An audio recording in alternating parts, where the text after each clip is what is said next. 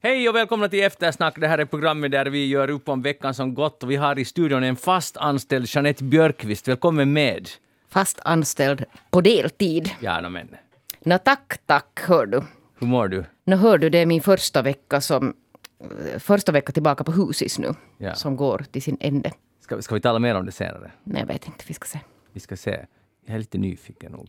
Rico Eklund, skådespelare med Nylands nations ylletröja på sig. Och så Välkommen har han med. dekorerat. Oj, det ska vi åt... alldeles just ta upp. Välkommen med Rico. Tack så mycket. Vill du berätta lite varför det här är en speciell dag för dig? Eh, Jag kan ju också kommentera, då, apropå det här att vara anställd, så är jag då tjänstledig från min fasta anställning vid Svenska Teatern som har pågått i två år, om det är viktigt nu, de här en vecka och år och sådär. ja, Det är jätteviktigt, ja.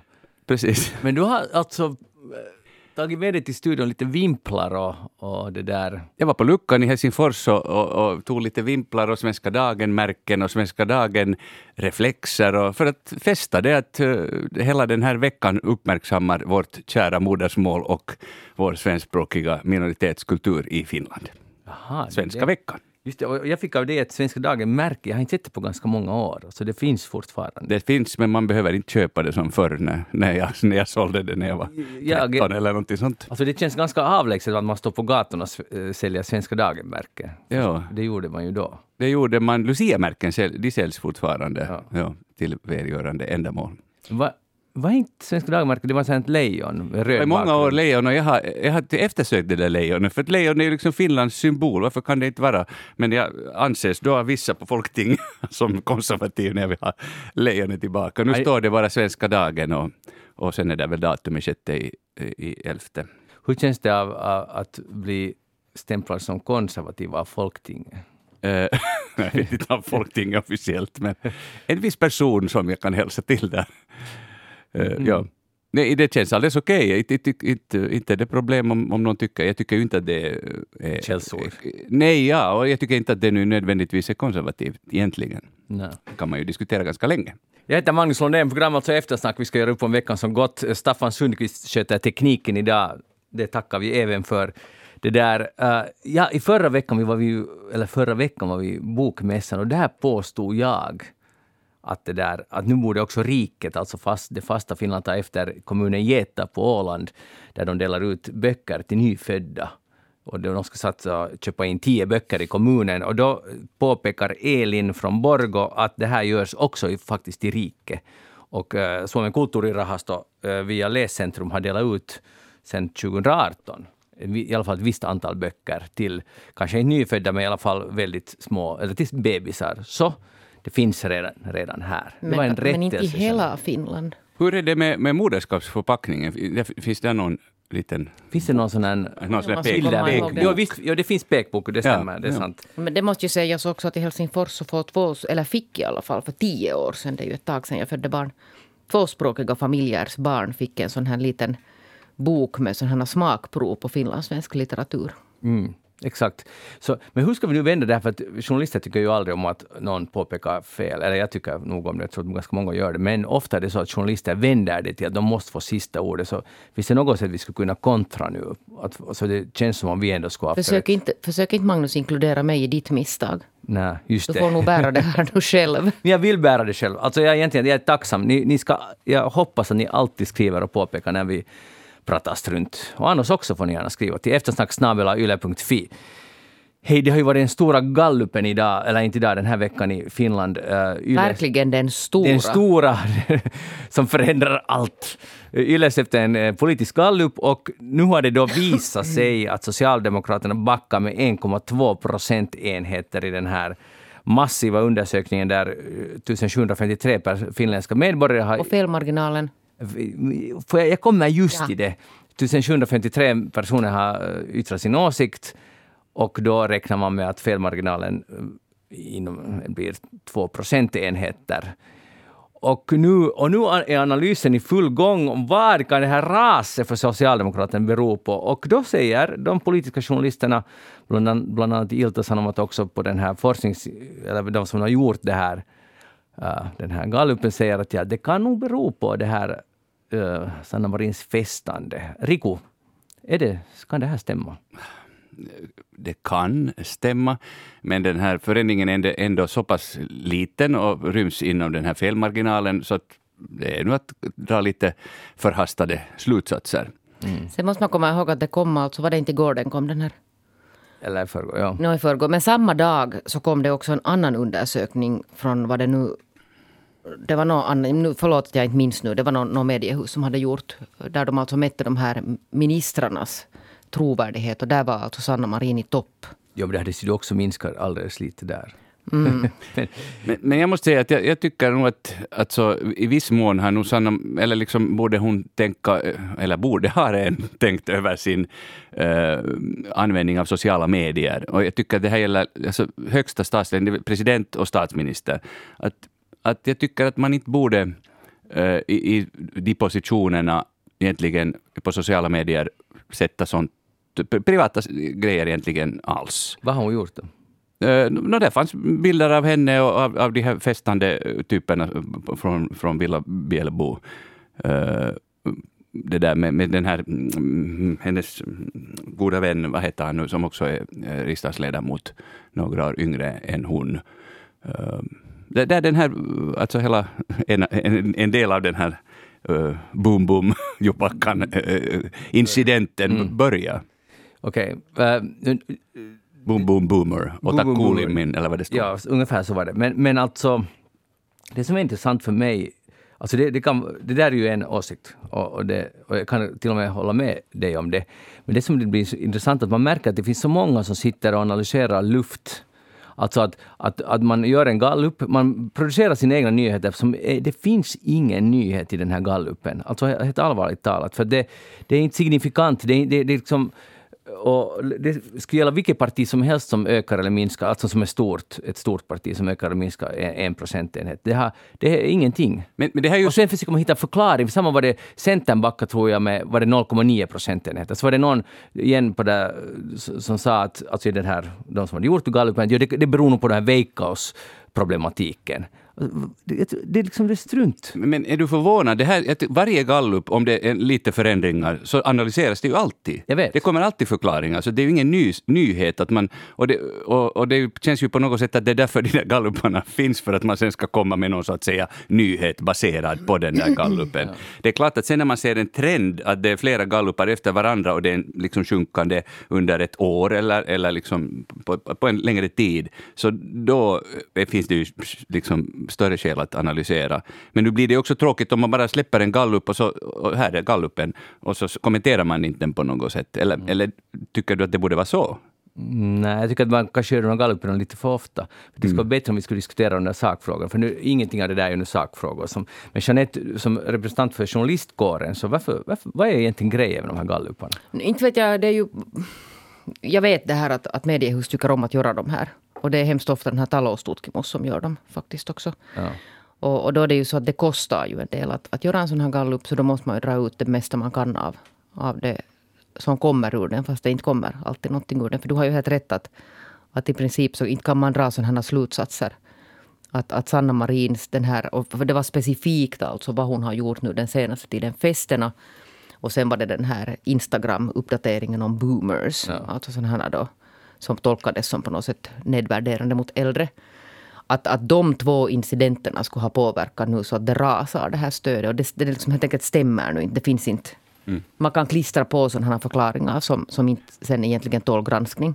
Ja, och det, och det visar också när det, när det gäller mindre partier, så SFP hade ett uh, mycket större stöd plötsligt, var det nu med en procentenhet. Och då var, var det också en analys att ja, de är bra på att hålla fast sina trofast sina väljare. Och det är ju sant, men, men den siffran, det räcker med en eller två personer. Mm. Uh, de har ringt i misstag till en till finlandssvensk, en, en fler än förra gången, så då, eller två, så då räcker det att påverka det där resultatet. Så det, Ja, jag, jag egentligen var liksom störd på att det görs nyheter på sånt här. Och att det sitter typer någonstans och ger utlåtanden. som de vet innerst inne att, att det här är nu inte så relevant. Det är liksom en sån, ett monster, som, eller kanske ett monster, men som hålls igång av sig självt. Liksom journalister ringer dit och de gör det för att journalister ska få någonting. Så det är en sån här cirkel i princip tycker jag du har helt rätt, men samtidigt Men- stör det inte, mig personligen stör inte, jag tycker om gallupar, så det där, jag stör, stör mig inte och jag, jag tycker att jo, jo, så där är det ju, att inte kan de säga det. Så det, det liksom, men det kan hända förstås att det är människor som inte är lika kloka som vi, som, som inte förstår att det är liksom inom felmarginalen och att man inte kan dra slutsatser. Ja, vi ska, där- därför ska vi nu lämna det här. Ja, men där, jag vill bara säga att gallupar i sig är ju intressant. Vad, tycker, vad har människor för åsikt om någonting? Att man hittar på nya frågeställningar, det tycker jag är intressant. Vad jag menar var de här partimätningarna, det var så de galluparna. Hej, köttpaniken sprider sig här i rikets huvudstad. För nu Eller Helsingfors- mera kanske utanför. Ja, kanske framförallt utanför. Nu har Helsingfors stad då beslutat på sina tillställningar, när de har ett seminarium eller har bjudit någon från Nordiska rådet på middag eller något i den stilen, eller har, vad de nu har för till, tillställningar, så då ska det inte bjudas på kött längre, utan nu ska det bjudas på på det där vegetarisk kost eller kanske vegansk och, eh, och det var just det lokal, alltså enligt säsong grönsaker enligt säsong och fisk, lokalproducerad fisk eller fångad fisk. Hur det nu sen ska lyckas vet jag inte, men i alla fall. Och, och så ska det inte mera finnas mjölk, utan det ska finnas havremjölk.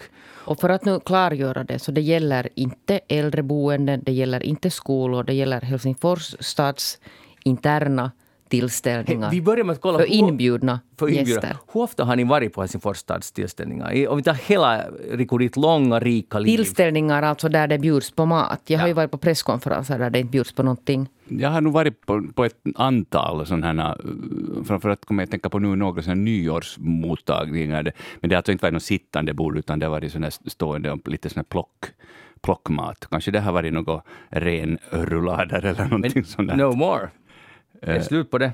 Ja, det är Nu är det broccoli. det.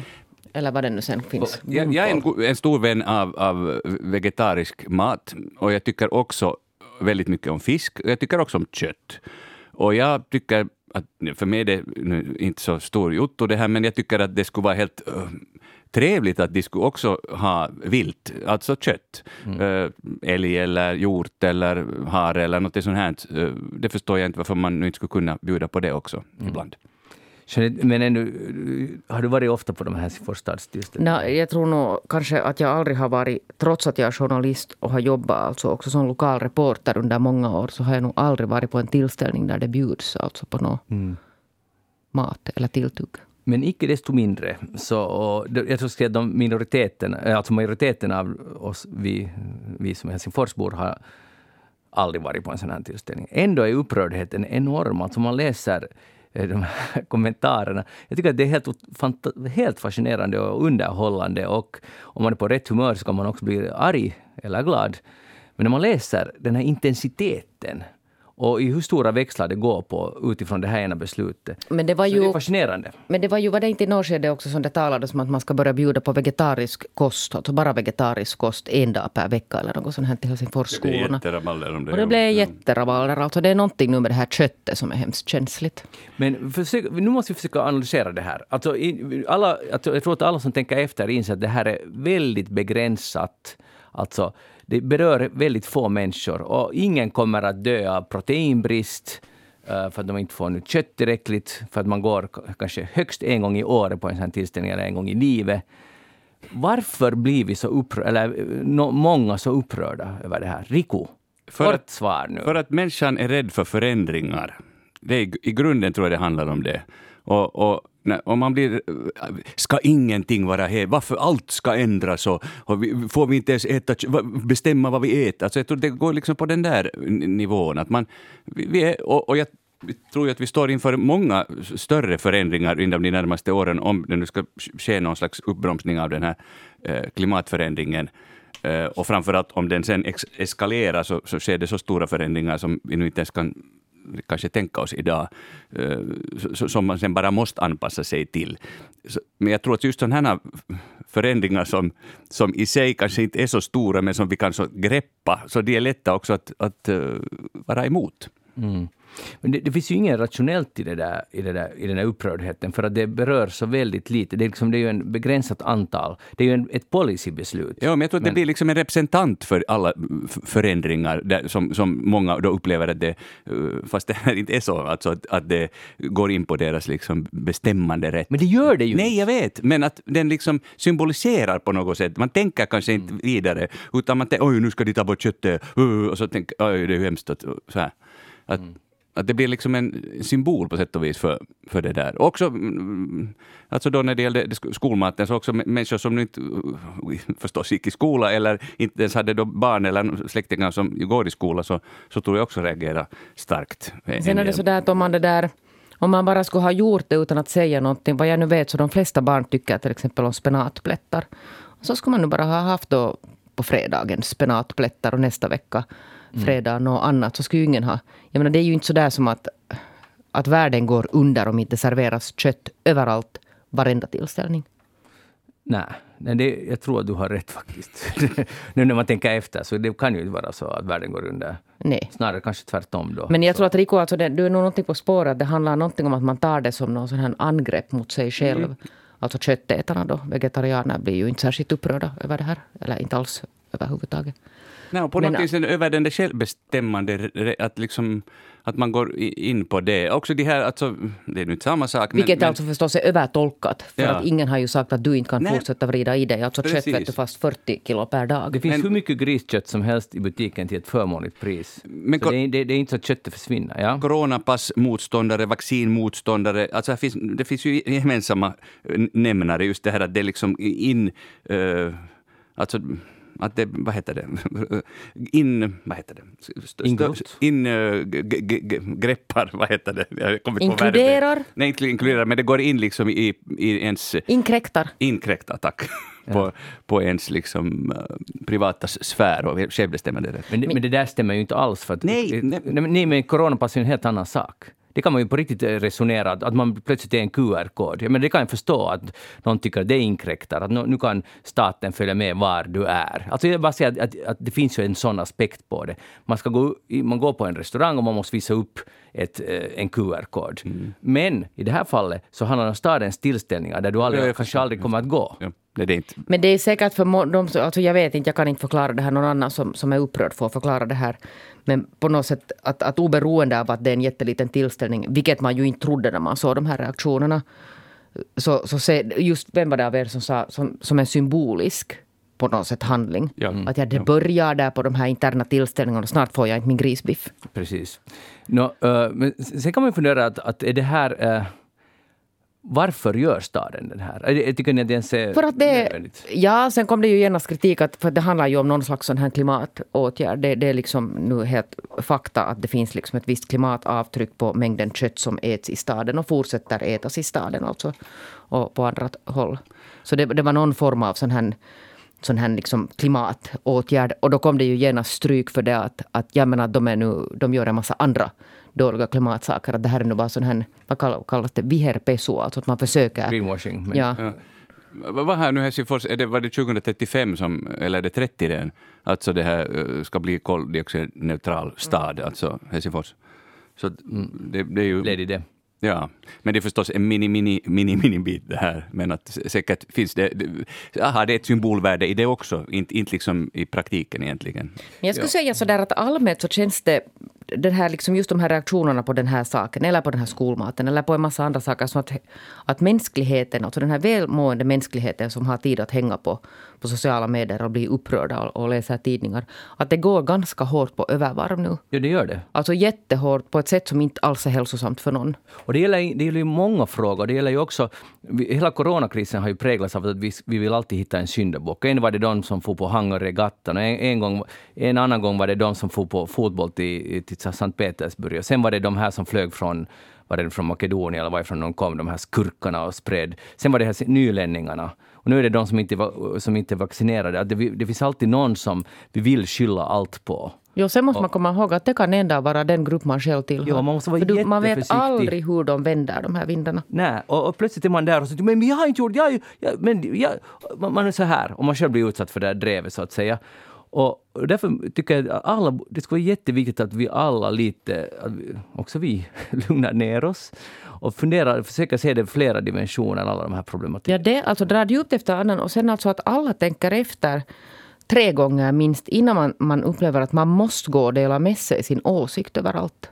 Mm. För att, att det att man beger sig in i sådana här, sådana här diskussioner så tenderar ganska ofta leda sen till att det går ännu värre, alltså övervar på det här. Sen hetsar man alltså upp sig tillsammans. Ja, för att de, de anonyma åsikterna. Ja. Och det gäller, ju, det gäller ju delvis alltså journalisterna också, just det att man går lite på övervar på någon sån här, sån här inte så hemskt betydelsefull, alltså, eller i alla fall någon sån här dramatisk alltså, mm. opinionsmätning. Men kanske det bubblar lite under ytan, för, för att jag, var, jag var på väg att cykla, jag skulle få simma tidigt på onsdag morgon.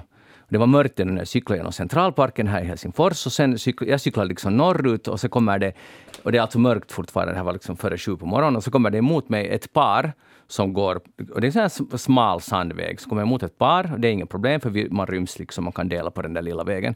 Men just när jag kommer så kommer det en cyklist som ska passera, alltså emot mig, som passerar det här paret. Och det är nog okej. Okay. Just just ryms vi. Men sen kommer det plötsligt utan, eller med en väldigt svag lampa så jag såg inte en, en till cyklist också emot som också ska ö, åka förbi det här paret som går plus cyklisten plus sig själv och jag är där. Och jag ser det alltså exakt när vi är liksom, håller på att krocka. Jag tvärbromsar uh, och liksom, jag känner bara hennes vinddrag dra förbi. Och det var helt otroligt nära vi ska krocka full fart. Och hon bara for vidare. De där, de där fotgängarna blev helt chockade. Och, och sen, alltså det flippade för mig. Jag svängde om och så tog jag upp jakten på den här personen och, jag, och, hon cyklade väldigt hårt. Och cyklade fast henne och alltså jag måste säga ärligt bara för jag, var, alltså jag, jag hade sånt adrenalin för jag kände att okay, kanske jag inte skulle ha dött eller brutit nacken men det skulle varit ganska faktiskt allvarlig kollision. Så får jag fast henne och jag skrek åt henne på, på finska, de är satans idiot. Och det, jag kändes ganska mycket efteråt. Men, Så, och, och hon var no, antexi, antexi. Hon hade sina hörlurar på. Vet du, hon var helt i en annan värld. Och hon, hade, och hon, hade, hon stannade inte ens. Hon hade inte ens fattat att, hur extremt nära det var. Och, och det gjorde mig ännu mer triggad. Den här idioten då, som jag kallar henne, inte förstår hur nära det var. Sen, och det korsade genom mitt huvud att jag borde ramma ner henne i diket. Jag gjorde ju inte och jag skulle inte ha gjort det. Men jag var helt extremt arg och det var det adrenalin och det höll i mig ännu en halvtimme efteråt. Jag var helt på övervarv. Det kommer ju tillbaka lite nu också ja. av det. Ja. alltså du har stått och skrikit på finska dessutom. Jag cyklade bredvid henne, vi cyklade parallellt. Och så skrek jag och pekade på henne. Och hur, det där, hur, hur slutade den här situationen? Sen, sen, sen cyklade hon för hårt och du orkade Nej, nej jag hängde nog med. Sen bara lät jag henne fara. Alltså cyklade du parallellt med henne medan du skrek? Eller? Ja. Aha, wow. Ja. Men det var ju kanske också lite farligt. Förstås. Ja. Inte sa jag att det var, jag var inte någon hjälte i den här historien. Nej, nej, nej. Men, men hon var ännu värre. och jag ger dig alltså på det sättet, uh, du sa att hon hade lurar, alltså det är ju ett ja. problem med människor, också fotgängare som går och lyssnar på uh, framförallt musik som täcker kanske allt, alla andra ljud. Att ja. man är helt inne i sin egen värld och märker inte vad som händer omkring en. Så att det, det, alltså jag har varit flera gånger med om också att krocka. Eh, för jag brukar inte eh, ha, eller lyssna på något när jag, när jag cyklar eller mm. går. Eh, och, och, det har nog bara blivit så. Jag har egentligen inte tänkt så mycket på säkerheten, men det är en säkerhetsfråga. För, att, för gör man det så, så är sannolikt mycket större att det sker något sånt här som du just beskrev. Ja. Uh, Jeanette, vad, vad, vad, borde jag ha gjort i den här situationen? Du, du verkar lite kritisk nu.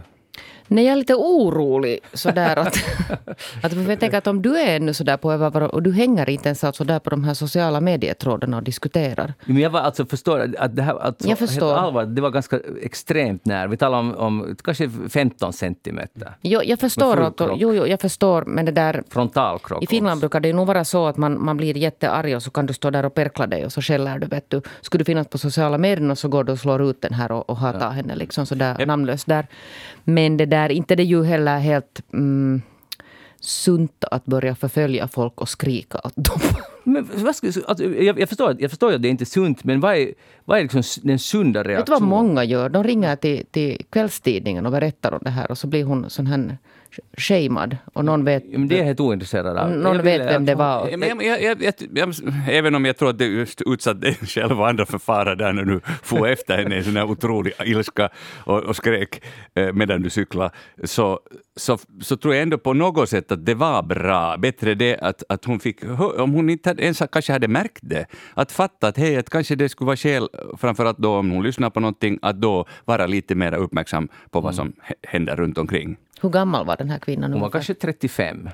Ja, jag skulle ju ha blivit ganska skräckslagen om det kommer någon sån här arg man. Men jag, jag, jag försökte Det är varna... mörkare en gubbe som kommer och skriker. Men, men hon fick vad hon förtjänade, skulle jag påstå. Alltså, jag, jag, jag försökte, då, det det var ganska flåsigt att få fast henne, så jag ropade att ”stanna!” i lagens namn. Men hon hörde ju förstås ingenting, för hon hade på sin musik. Men jag måste berätta någon sån här, alltså bara kort, vi ska inte stanna hela dagen nu vid den här anger management. Jag skulle inte vilja se den på nytt. Men Ja. jag gick alltså med min dotter över, vi hade cyklar båda två, så ledde vi våra cyklar över, över skyddsvägen så där som man ska göra. Alltså en skyddsväg som korsas också av en, av en eh, cykelväg. Och då kommer det en sån här man, lite kanske äldre än du, cyklade jättehårt och håller på att köra över alltså min dotter. Som gör helt rätt. Och han hade ju förstås, eftersom vi hade grönt ljus, så hade han ju väjningsplikt. Men det tyckte inte han. Och han blev jättearg. Och då flippade jag alltså faktiskt också. Nåja. Det här är några månader sedan. För att han höll på att köra över mitt barn. Och han blev jättearg. Alltså han höll på att komma på mig och börja slå mig. Just det. Han var helt galen och skriker att det där, han är någon sån här, att han är busschaufför. Eller någon sån här, alltså i alla fall professionell alltså chaufför. Så att herregud, att vad är det för fordon du kör? Och försökte förklara att du har ju väjningsplikt inför en skyddsväg där ett barn går. Och han bara skrek att jag är en idiot och, och det där. Och, och vi kommer att bli överkörda, hoppas han och dör. Och, och mitt barn blev så rädd att, att hon gick alltså och sprang dit bakom en buske och gömde sig och grät där. Och var helt, han var otroligt arg. Och jag, blev, och jag skriker aldrig. Men då skrek jag. Herregud vad jag skrek. Men du förstår, vi är ju lika, Jeanette. Jo, men det var ju alltså han som var du där Nä. i den här situationen. Nej, nej. Det var han som höll på att köra alltså över... Ja, jag höll ju inte köra sättet. på henne, det var hon som hörde köra Nå, på ja, mig. nå, det är sant, jo, men han var det där... Det, inte, alltså nu, är- nu, blir, Mm, men, det blir nu ska, jo, men nu ska du inte gå in alltså i detaljerna av det här utan det är att alltså någon sån här vuxna människor står och skriker åt varandra eller liksom en gubbe börjar skrika åt någon. Men du skrek ju tillbaka. Jo, jag skrek tillbaka för det handlar om mitt barn faktiskt. Ja, nej, men alltså, jag skulle säga att jag är inte busschauffören, jag är du här. Alltså man blir upprörd över, över en, en djup orättvisa. Jo, Så jag, jag, jag, jag, håller inte riktigt med. men, men det är inte bra att stå och skrika åt varandra. Nej, nej, inte det är ju det. Men det här visar ju, det var det här det vi började med, att, att är det så att vi alla är lite on the edge? Är det, är det, är Jag det tror så att vi illa? all, jag tror, det tror jag faktiskt är sant. Hmm. Eller han var ju, i det här fallet var det gubben som var on the edge. Annars skulle han ju inte hålla på att köra över folk. Men du skrek ju tillbaka. Ja, men jag försvarade, det var ju försvars. Men hur kan du liksom... Alltså, Ska vi inte gå vidare? Jo, vi går vidare. Det här, det här tänker jag inte släppa, det lovar jag dig Jeanette. Jeanette Björkqvist, vad har du tänkt på den här veckan? Nå, hör du, hör du, alltså nu när jag har blivit anställd så har jag ju, tror jag, uppfattat att jag har blivit också bjuden på sån här, som man säger på finlandssvenska, lilla julsfest. Jag är dessutom inbjuden alltså faktiskt från en annan redaktion också på en sån här lilla julsfest. Vilken redaktion då? No, men det kan jag inte nu prata om här. Om det är Yle så är det jättefräckt. No, det är inom en, någon som inte du har någonting att göra med. Ah, okej. Redaktion. Det var Okej. inte den här. Vi, vi blir inte bjudna på, vi, Nej, vi blir på svenska. Nej, nej, det här är nej, på är finska det. sidan. No, ja, men i alla fall. Eh, och nu hade Husis ena unga reporter gjort en sån här bra, för en gångs skull alltså inte efter att de här jul, den här julfestsäsongen har varit och alla listar vad man har gjort för dumheter. Utan före att hur ska man göra alltså nu, vad ska man tänka på innan man går på en här, sån här fest så att man inte sen behöver ångra någonting. Så han har talat med en sån här arbetsplatspsykolog, Simo Levanto, som nu då lägger fram att, att vad ska man nu göra då sen när man går på den här festen? Och man ska nu för det första inte förstås dricka för mycket. Och så ska man reda ut alltså alla sina problem och man ska tala alltså ut med sin chef innan man dricker några öl. Jaha. Och anser att man behöver, på något, särskilt om man alltså är arg på något sätt på sin chef. Och det där, så tänkte jag dela med mig vad jag själv har gjort alltså på den tiden när jag sprang på vad man inte heller ska göra. Man ska inte gå och löneförhandla med vdn. På lilla, lilla ljusfest. Men- Det är ett bra tips. Det är brukar bra tips från sluta. en auktoritet. Uh, Jeanette, men hur gick det? Fick du för Nej, det fick jag verkligen alltså inte. Inte alls. Okej. Jag ska inte gå in på allt vad som hände. Men du har den här faktiskt gjort det, alltså. Jo, jo, alltså jag, alltså jag, är det där, jag satt ju och vred mig när det var diskussion om den här, den här grejen då på det här mötet här på, på, på, i veckan. För att jag har, ju, jag har ju mycket att ösa ur när det gäller lilla julsfester. Har du så? Jag har mycket, det finns mycket att ösa ur. Men kan du ge något Och annat ingenting tips? är bra av det. Har du någonsin prövat att vara, uh, förlåt nu säger jag det så här rakt ut, nykter på en jul, lilla julfest? Ja, så kallad lilla jul. Vad heter det egentligen? Ja, Ja, det lilla heter- julfest, ja. Ja, men jag trodde att det heter Julfest. pikkujoulut heter det på fint. Men julfest heter det egentligen. Julfe- ja, så är det. Det heter julfest. Personaljulfest, ja. Men om den infaller på lilla jul så är det en lilla julsfest. Ja, men det heter nog egentligen julfest på svenska. Jo, vi, vi kan kalla det julfest. lilla julfest. Ja, Ja. nå. Och språkvården vet att vi vet att det heter julfest. ja, nu har vi garderat oss. Men fortsätt. Men det, där, ja, det är nog en god idé att man det där, mm, är måttlig med spriten. Ah, det, är, det är en taktisk... Det är ditt tips. det är ditt Det är tips. tips. Efter, efter 40 år i branschen. Eller Inte riktigt 40, nu överdriver du. Nåja. Jag började när jag var vuxen och inte när jag gick i lågstadiet. Jag hade börjat vissa lågstadiet. av oss är journalister Men du går ju inte, alltså du är ju inte sådär, du springer ju inte på sådana här. Nej, jag har varit kanske på en lilla ljusfest i mitt liv, sån här arbetsplats, högst. En, inte vet jag ens vilken det var, men jag skulle nu gissa att jag varit på en. Ja, så du känner inte riktigt till allt Nej, det här som omger jätte... Jag bara läste om det i tidningarna. Men du kan ju föreställa dig att om det finns en, en stor bunt med människor som... Och det finns alltid skismer och konflikter och, och missnöje och förstås finns det glädje och, Mm. och, och, och goda relationer och sånt här. Men det tenderar att vara så att sen när man samlas på ett ställe så brukar det ju sen i något skede sen stiga upp. Och det säger den här Levanto att det här är ett lite sådär finländskt symptom för att man inte talar ut före utan sen blir Ja, det sådär. allt är där inne och så exploderar det. Just det. Ja, Jag, jag har nog, alltså, teatrarna brukar ordna julfester och, och jag har nog varit på ett antal under årens lopp. Eh, Men att jag känner nog inte så mycket igen. Nog det att, att cheferna ofta går hem lite tid, chefer går tidigare än, än andra. Eh, och, och nu har jag kanske varit, jo, nu minns jag en situation, ja, men det var nu inte jag själv som var inblandad. Men, det där, men ehm, jag tycker inte att det... Kanske det på teatrar, nu har vi ju också ibland svårt att, att diskutera med varandra och, och reda ut saker, men ändå kanske, jag tror att, att eh, andra arbetsplatsers julfester så går det nog värre till än på en teaters. Det kan jag ju Det, skicka det, som en skulle jag, alltså det här är utan, det här är bara en sån här känsla, mututunta. Men jag tror att du skådisar, de, de ger på utlopp på sina känslor hela tiden. Så det, behöver, det finns ingenting uppdämt sen när de träffas.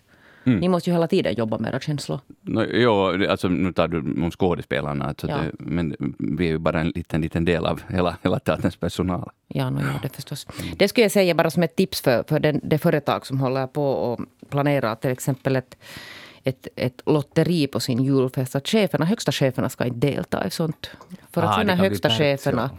Sen när högsta cheferna vinner tre år i rad så känns det inte bra för fotfolket. Hälsningar bara. Har det hänt alltså? Ja, det har hänt. Ja. har hänt. Man borde lite undersöka om det var liksom sådär eh, fixat i förväg. Hörde. Men det var ju lite det som det där. Och det var ganska fin vinst, fina vinster. Bitterhet. Alltså det, om det finns någonting som är fint Oj, oj, oj. och vackert är det bitterhet på arbetsplatser. Det är det vackraste som mänskligheten har skapat. Avundsjuka, bitterheten. Till exempel just i sådana här fall. Men, eh, Och, och om, om högsta chefen deltar och vinner huvudpriset så, så borde högsta chefen förstå att ge bort det. Ge bort den snabbt. Avtacka sig. Men eh, ska vi inte lita på fru Fortuna, hör du ändå? Nej, det ska vi inte. Det ska vi inte. ska inte, Ja, men, det där, men, men var rediga och, konstruktiva och sådär. På när ni går julfesterna. på våra julfester. Jag tror alltså att jag inte ska gå på de här julfesterna, men Ja, Är det, är det för att skydda dig själv och andra? kanske andra. Just det. Tack. Tack Jeanette. Rico Eklund, vad har du tänkt på den här veckan? Jag har tänkt på november månad och eh, det att den nu är den kanske fjärde året i rad firas som den queer-historiska månaden. Och det ordnas en, en hel del evenemang i anslutning till det. Eh, jag antar att det också var kanske planerat av Rita Pakvalen att komma ut med sin bok Queera minnen nu alldeles i, i, i dagarna. är mycket som jag kan varmt rekommendera. Eh, om, om så att säga den osynliga historien som bara är alldeles, man har börjat liksom eh, glutta på.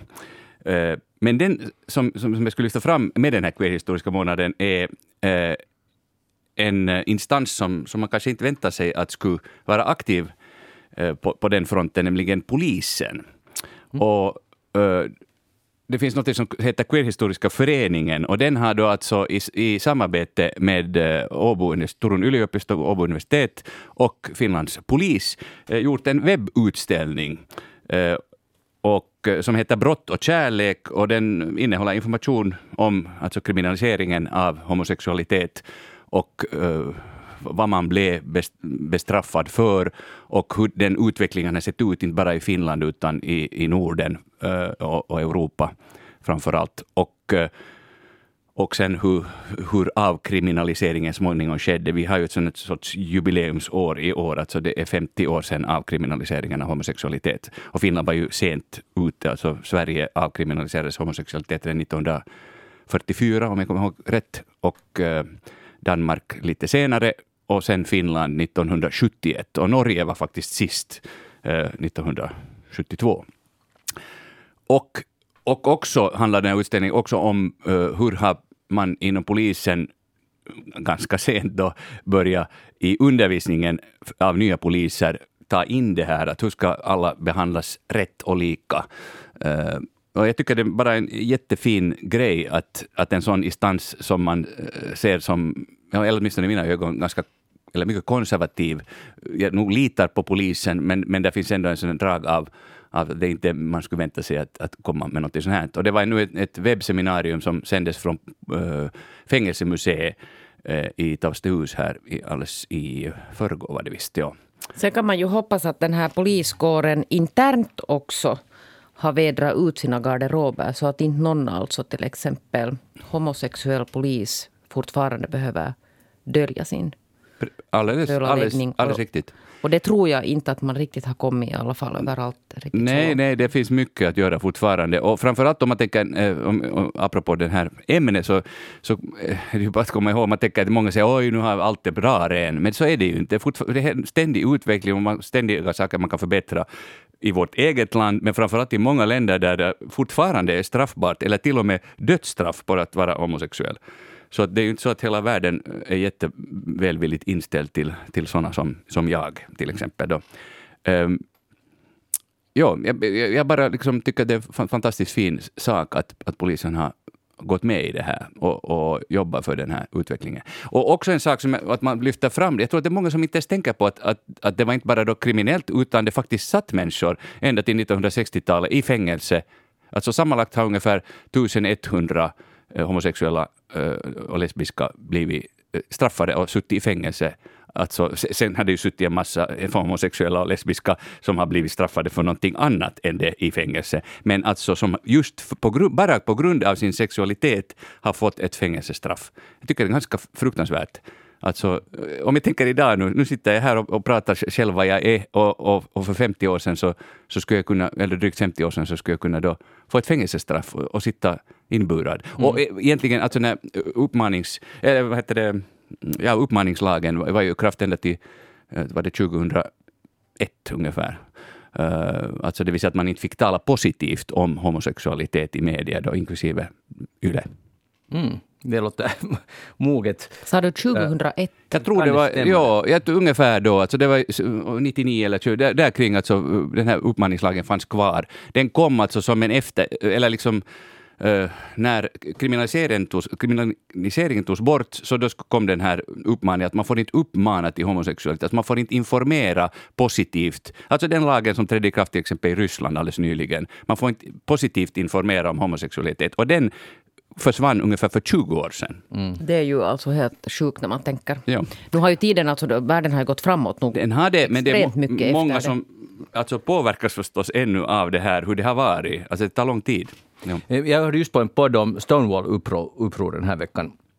Och det här var alltså Eh, det var bara en detalj som jag fastnade för. Att, uh, det, det handlar ju om USA, är det nu slutet av 60-talet? 68 tror jag det var. Ja, ja. Okej, okay, det var det alltså före det här själva upproret började, men det, det var liksom rutinen de gick till den här uh, baren eller stället, Stonewall då, vad det nu sen hette. Men, men det, att polisen gjorde reder dit och sen måste alla män och kvinnor som var på plats då bevisa vilket kön de tillhör, alltså vilket kön de är. Och för då fanns det en lag, åtminstone om det här nu var i New York eller vad det var, att man måste York, ja. bära tre klädesplagg som motsvarar det kön man, liksom, så att säga, ens biologiska kön. Så om man då har en penis så måste man ha tre manliga minst tre manliga plagg som tydligt visar. Om, om det var liksom så här jämnt fördelat eller det var oklart så måste, kunde polisen nu måste visa vilket kön du har.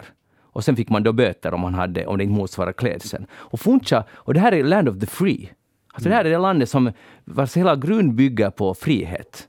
Eller vad de säger i alla fall. Jag, jag tycker bara det var så Det är, helt otroligt att man i det landet där allt ska vara möjligt och vem alla ska kunna blomstra, nej, du måste ha ett visst antal kläder, alltså rätt sorts kläder. Det, här är det är ju visserligen ganska länge sedan, men det är inte så länge sedan. Det, det, det, så tidsmässigt sammanfaller det ungefär med de här stora svarta protesterna, alltså som ja. ju också var på 60-talet, och, och, där det verkligen inte var jämställt och fortfarande inte är det. Alltså det, sådana här processer och utveckling tar lång tid. Och de som säger att allt var bättre förr, så det är verkligen inte så. Det gäller nästan allt, inte kanske helt allt, men det mesta var sämre förr. Det finns nog en del som, saker som är bättre. No, miljö, jag, inte miljön här, var bättre. Nej, men alltså, jag, jag menar nu, alltså, det finns, alltså, det finns sådana saker som att till exempel um, det här har ingenting, det här är liksom banalt med det med att teknik till exempel höll längre tid. Man köpte en radio så höll, höll den i 50 år. Sådana saker tycker jag var bättre för. Men när det gäller socialt utveckling så är det ju det mesta var sämre för. Ja. Det är helt klart. Hej, uh, vi går vidare. Uh, det har varit mycket finlandssvenska medienyheter den här veckan. Och uh, en sak som höll på att gå de flesta i alla fall förbi var att uh, Forum för ekonomi och teknik, som är en tidning, en affärsmagasin, som skriver om ja, det ena och det andra, uh, om affärslivet. Forum för ekonomi och teknik. Ja, exakt. Så det kom fram i en husartikel här i veckan i en bisats att den läggs ner. Och det kamouflerades som att nu, nu satsar HBL på sin ekonomibevakning. Och det är ju jättebra sak att de satsar på en ekonomibevakning.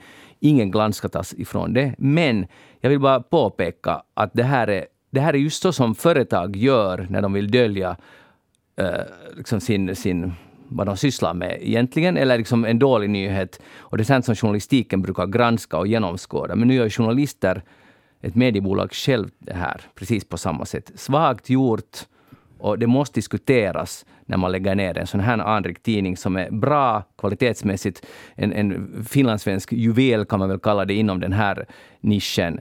Och jag förstår inte att det inte är mera diskussion kring den här saken. De har lyckats bra. För att jag, alltså jag läste slarvigt då, för att jag trodde bara att, att det ska bli mera samarbete mellan, mellan den här tidskriften. Nej. För, och, och, ja, så det lyckades väl, för att jag var så att men det här låter ju bra. ja. Där ser man. Och, och, det där, och jag bara undrar, liksom, nu, det är ju, uh, de har alltså KSF Media kommer inte egentligen att vinna något ekonomiskt på det här. Snarare kommer det att kosta mera, för de får mera journalister, vad jag förstår, som de måste ta hand om. Uh, och det är ju en bra sak att de satsar offensivt, men de vinner egentligen ingenting fast de är största ägare i, i Forum bolaget på att lägga ner den här tidningen. Så jag undrar bara att, att var det här liksom någon sorts ansvar och funderande. Och det gäller ju också de här, det, de här medlemsföreningarna, Ingenjörerna i Finland, DIF, Tekniska föreningen Finland, TIF och Niord, ekonom, Ekonomföreningen Niord. Att har de faktiskt tänkt igenom på de konsekvenserna? Att är det verkligen så att medlemmarna inte vill ha den här tidningen? Och, och för om man en gång lägger ner en sån här tidning, det kommer inte tillbaka. Eller det blir väldigt, väldigt svårt. Är det någon diskussion att det skulle bli någon slags bilaga till Husis eller, det, eller helt så att säga att det bara sugs upp, de här journalisterna? Som, ja. det, det är gone, det är slut. Mycket tråkigt. Och till årsskiftet är det slut, två nummer till ska det komma. Och jag tror, tror, att vi på, riktigt, på allvar borde diskutera sådana här domänförluster. För en, en liten sån här, ja det är nog bara en tidning. Och, men det är ju en hel... Tänk så många företagare det finns i svensk Svenskfinland, eller som jobbar på företag, som, eller ingenjörer överhuvudtaget, som är intresserade av de här frågorna. Det här är jättemodernt, den här tidningen man läser. Det handlar, de är ganska taggade när det gäller just klimatfrågor och, och, och företagsansvar och sånt här. De är på hugget. Jag tycker bara att det är extremt ansvarslöst att lägga ner det här. Och jag förstår att HBL vill satsa, vill samla sin brandet HBL ska bli starkt, de ska sköta ekonom, ekonomibevakning, men, men jag förstår inte att man på bekostnad av Forum. Jag förstår inte vad de vinner mm. på det. Jeanette, du som jobbar på den här tidningen. No, jag vet ju ingenting om de där besluten, men jag håller med dig om att, att det där är en bra tidning. Ja. Men va, hur, jag undrar, hur går journalister med på att man i egen tidning kamouflerar sådana här nyheter? Att, finns det ingen opposition på en redaktion som säger att hey, vi borde nog skriva ärligt, att det, vi vinner i längden på att vara transparenta. Men det där är ju alltid svårt när man ska skriva om sig själva. Ja. Beroende alltså vem det gäller, om det gäller Husis eller någon annan. Men medier som ska skriva alltså om sig själva, så det blir alltid knepigt. Alltid. Har inte, har inte liksom Yle känt, svenska Yle känt till det här? Man tycker att där, där kunde man ju ha kanske man, skulle verkligen tycka det. Jag, det. Ja. Och jag hoppas, jag, sist, allt, allt hopp är väl redan ute för den här tidningen, men jag, kan inte, jag tycker att de här föreningarna skulle gärna kunna e-posta oss. Det skulle vara roligt att höra. E-posta oss på eftersnacksnabelayle.fi och förklara uh, hur ni tänker här. För det kan vara att det är något vi inte inser, eller jag, jag inte förstår. Att, är det verkligen så att medlemmarna, de finländska medlemmarna inte vill ha en tidning? Är det, är det så? Att de, de inte bryr sig? Det är också intressant i så fall. Det är knappast så, det, men... men Nej, det är inte, jag, jag kan inte tro att det är nej, så.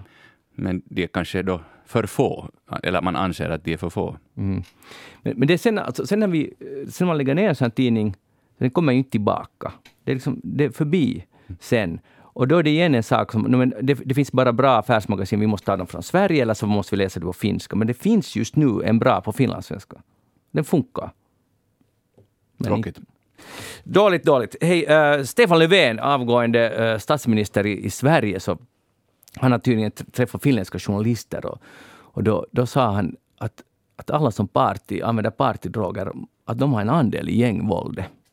Att, att de liksom gödar gäng, gänget för att de vill ha sina droger när de ska festa i Stockholms innercity på, på helgen. Och det be, i längden leder det till att gängvåld ökar för att man måste kämpa om revir och så vidare. Jag tycker att det var lite vågat utspel. Lite Men han vågar intressant. massa nu när han avgår. Han vågar sig på att riktigt alltså peka ut Sverigedemokraterna som nazistparti Ja. också. Men eh, tycker ni att det ligger något i det här? Rico, om du funderar på det, vad han säger?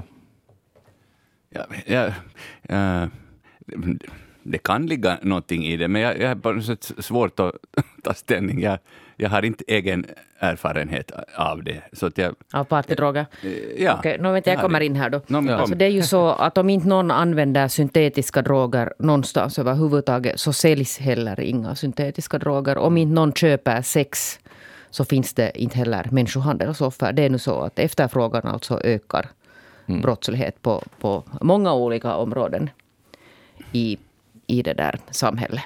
Så är det. För att sådana, här- sådana här partydroger, det är ju alltså syntetiska droger och de växer ju inte i en blomkruka om man säger så. Ja, så att, men alltså det ligger då någonting i vad Löfven säger. För jag tycker att det, här, det, jag tycker att det allt för sällan sägs, för att vi är alla upprörda över klimatkrisen och, och, och men vi tänker sällan egentligen på vår egen konsumtion till exempel. Att det, eller det tänk, kanske vi tänker lite på det, men att det vi upprätthåller ju det här att företag, att det, det måste utvinna, vi, vi vill ha nya telefoner, alltså måste det grävas ut mera mineraler i vilka länder som helst där det bara finns till vilket pris som helst för att konsumenterna vill ha det. Och det är ju lite samma. Och det är sällan som den här kopplingen görs. Att, att, för att nu till exempel läste jag en artikel i var det New York Times om att det är kris nu när det gäller Black Friday för att det finns inte produkter tillräckligt. Och nu uppmanas alla att beställa i tid. Och som man har, nu är det inte Black Friday utan det är Black Week. Så man alla ska hinna beställa tillräckligt mycket. Och, då, och, och oron är stor. Och då tänker jag bara att det skulle finnas en lösning att vi inte ska köpa de där grejerna. Att det är ganska lätt egentligen. Men det tycker jag att man kan uppmana till att man inte köper dem. Jag skulle säga en av de här partydrogerna, för att nu har jag inte läst exakt den här detaljen hur han sa det, men han pekar uttryckligen ut uh, de här innerstadens, alltså party Mm. drogsammanhang. Och det tycker jag var ganska städigt för att, för att det finns en viss sån här, det finns i Finland också någon sån här viss slags lyxstämpel över det här. Att det är lite coolt och så här. Och nu är vi här på nattklubben och så, och så använder vi bara lite partydroger och vi är inga narkomaner. Så där som det här packet, alltså där någon annanstans som, som sitter alltså utomhus och, och, och det där använder Subutex och sånt här. Så det var snyggt gjort att han pekade på dem och inte alltså skuldbelade sådana människor som, som av olika andra orsaker har hamnat in alltså i ett, ett, ett svårt drogberoende, tappar alltså livs, sån här, kontrollen på något sätt och, och befinner sig där. För det är hemskt ofta de man skuldbelägger för en massa saker.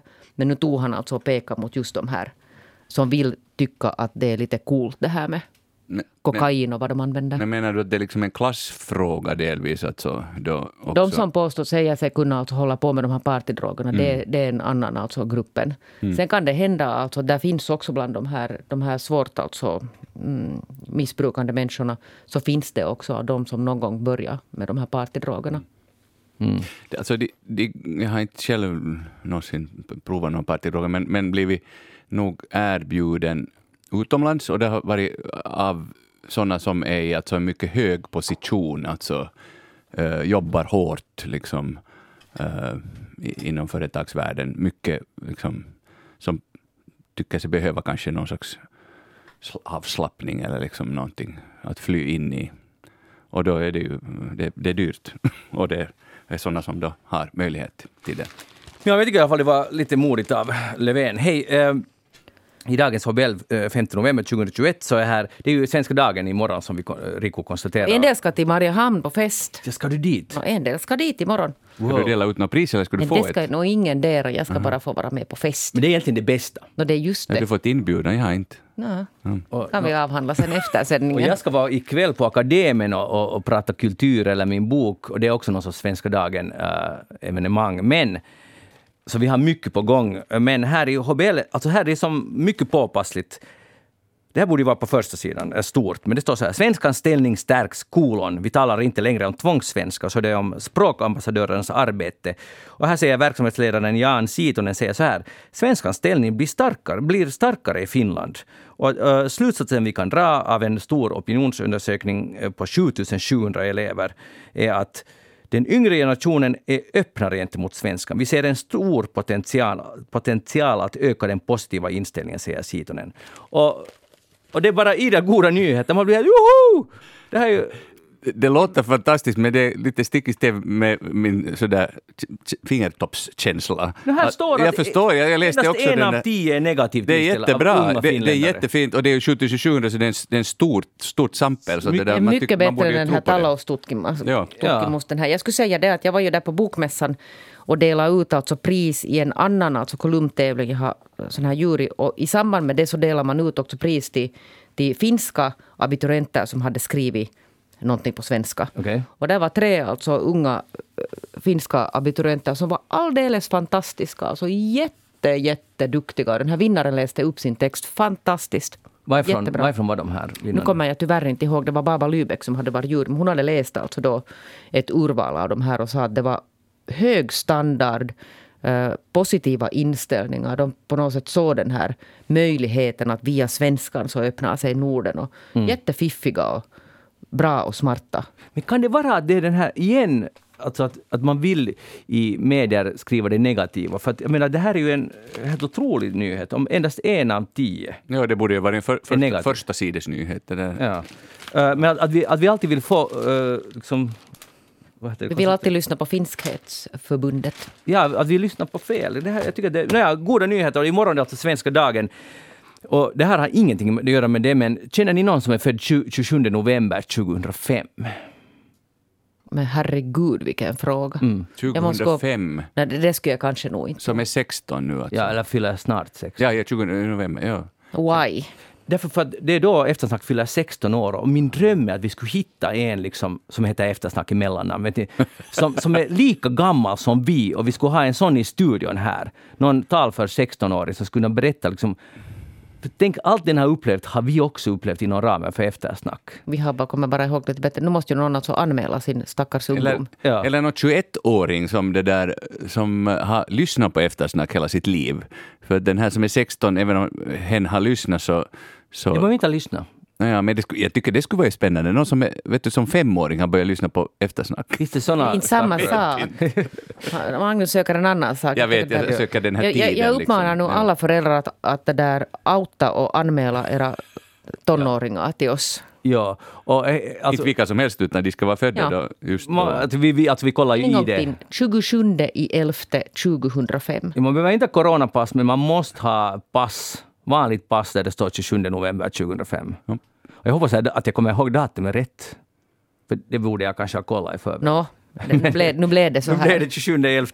Det är det alldeles säkert. Hej, du var ju bra på Tetris, Jeanette, Ja, minns jag. ja, Från. ja, ja, ja, ja, ja. Det finns ju världsmästerskap i Tetris. ja, där borde jag ju ha varit med. Och det där, nu, de har i Guardian intervjuat uh, två, två... Han är 13 år gammal och det där... Och nu har han vunnit... Han är världsmästare, den yngsta någonsin. Han vann 3000 dollar.